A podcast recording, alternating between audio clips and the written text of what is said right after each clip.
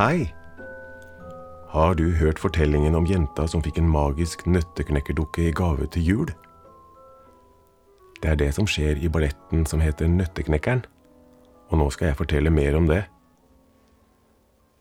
Jeg heter Dag Ulseth, og først vil jeg forklare hva en nøtteknekker er.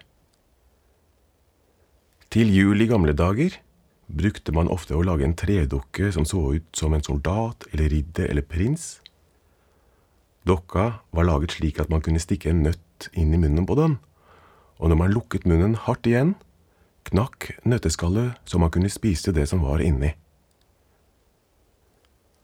For mer enn 100 år siden fikk noen lyst til å lage en ballett om en slik nøtteknekker. Og ballett, det er jo altså teater der man danser istedenfor å snakke. Men da trenger man dansemusikk. Og en mann som het Peter Tsjajkovskij, lagde så fin musikk til denne fortellingen at Nøtteknekkeren siden er blitt den mest spilte balletten som finnes. Før jul blir Nøtteknekkerballetten vist i Det Store Operahuset i Oslo. Og nå skal jeg fortelle deg hva som skjer.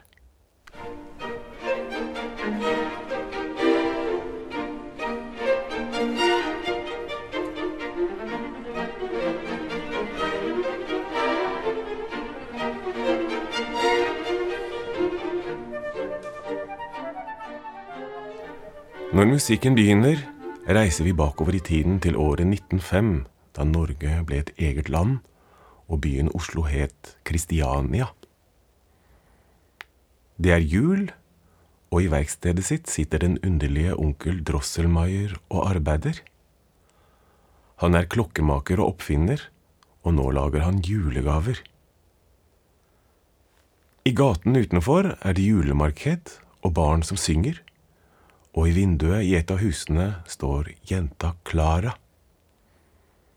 Hun ser etter gjester fra fremmede land som har med seg gaver fra hele verden, og nå kommer de til juleselskap hjemme hos Klara og broren og foreldrene hennes, som heter herr og fru Stalbaum. Det er noen soldater ute i gata, og Klara ser at en av dem blir plaget av de andre. Så ser hun at besteforeldrene hennes kommer gående. Men bestefaren sklir på isen og faller slik at han mister alle gavene han har med. Den unge soldaten som ble plaget, ser hva som skjer, og han hjelper bestefar på bena. Klara løper ut for å møte dem, og da gir soldaten Klara et lommetørkle som hun kan bruke til å børste av klærne til bestefar. Deretter smiler soldaten til henne før han forsvinner. Den siste som kommer med gaver til festen, er onkel Drosselmeier. Og nå er huset fullt av gjester og gaver, der barn og voksne danser og hygger seg. Men så har Drosselmeier overraskelser til alle. Først deler han ut julegaver til barna. Deretter begynner han å lese fra en stor bok, mens et skyggeteater blir vist bak ham. Teatret viser en prinsesse og en prins, og prinsessen holder en stor, gyllen nøtt. Plutselig ser de en skummel rottekonge som forsøker å spise både nøtta og prinsessen. Men her slutter Drosselmeier å lese, og i stedet viser han fram tre store trekkoppdokker. De ser ut som prinsessen, prinsen og rottekongen, og Drosselmeier får dokkene til å danse. Gjestene går deretter inn i rommet ved siden av, der juletreet står. Men Klara blir værende, og Drosselmeier ser at hun holder seg unna de andre barna. Da viser han fram en blåfarget nøtteknekkerdukke for Klara og broren hennes Fritz.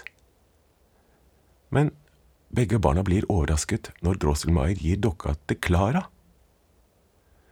Hun syns dokka er litt underlig og rar. Men Fritz blir misunnelig og vil ha den til samlingen sin av leketøysoldater. Så han griper dokka, men han ødelegger den. Og da ser Klara at Rosselmeier blir veldig lei seg. Klara vil trøste ham, og kommer til å tenke på lommetørkleet som hun fikk av soldaten. Og i det samme, som i en drøm, går soldaten forbi henne i et lite øyeblikk. Etter det hjelper hun Drosselmeier med å binde dokka sammen med lommetørkleet. Drosselmeier lover at han vil reparere nøtteknekkeren. Og da gjestene kommer tilbake for å fortsette festen, tar han med seg dokka inn i juletrerommet. Og snart bestemmer Klara seg for å følge etter. Juletrerommet er mørkt, men hun kan se at juletreet er pyntet med lys og flagg. Hun ser ikke Drosselmeier noe sted, men hun finner den store eventyrboka hans sammen med nøtteknekkerdokka. Hun leker med dokka og begynner å lese i boka, men så faller hun i søvn foran den varme peisen. Om litt dukker det opp stirrende øyne i mørket, og skyggen av en stor rotte vekker Klara. Drømmer hun? Rommet begynner å vokse og forandrer seg til en stor bok. Og så kommer en flokk med småmus akende ned langs glitterpynten på juletreet. Og selveste rottekongen og hjelperne hans kommer strømmende inn gjennom en åpning i peisen. De er kommet for å ta nøtteknekkerdokka. Plutselig ser Klara nøtteknekkeren. Han er blitt stor som en voksen mann og han er klar til å forsvare seg. Samtidig kommer en flokk av leketøysoldater marsjerende ut av boksen sin for å hjelpe ham i kampen mot rotter og mus. Men rottekongen og hjelperne hans får overtaket, og musene kaster seg over nøtteknekkeren for å bite og gnage. Da løper Klara fram for å hjelpe. Hun kaster en nøtt på rottekongen, og rottene og musene forsvinner men nøtteknekkeren ligger livløs tilbake. Da kommer Drosselmeier med en stor gyllen nøtt og drysser nøttemagi over nøtteknekkeren. Nøtteknekkeren reiser seg sakte opp, og da ser Klara at han er forvandlet. Han ser ut som en prins og ligner den kjekke soldaten hun møtte ute på gata. Med ett blåser en flokk med dansende snøfnugg inn gjennom vinduet, og vinden drar Klara og nøtteknekkeren med seg i dansen. Så kommer en stor skinnende julekule dalende. Klara og nøtteknekkeren går inn i den, og så stiger den og løfter dem høyt opp i juletreet. Det de ikke ser, er at rottekongen og hjelperne hans følger etter til fots. Etter en stund lander Klara og nøtteknekkeren i et isdekket eventyrland som ligger gjemt dypt inne i juletreet. Der er det en kjempestor peis som ligner en teateråpning, og ved siden av står Drosselmeier for å ta imot dem. Men brått blir de overrasket av rottekongen og hjelperne hans, og nøtteknekkeren må møte rottekongen i en ny kamp. Nå klarer nøtteknekkeren å gi rottekongen et livsfarlig sår med den skarpe sabelen sin. Rottekongen trekker seg unna for å dø, og alle musene flykter. Dermed har nøtteknekkeren endelig vunnet, og Drosselmeier steller i stand en fest.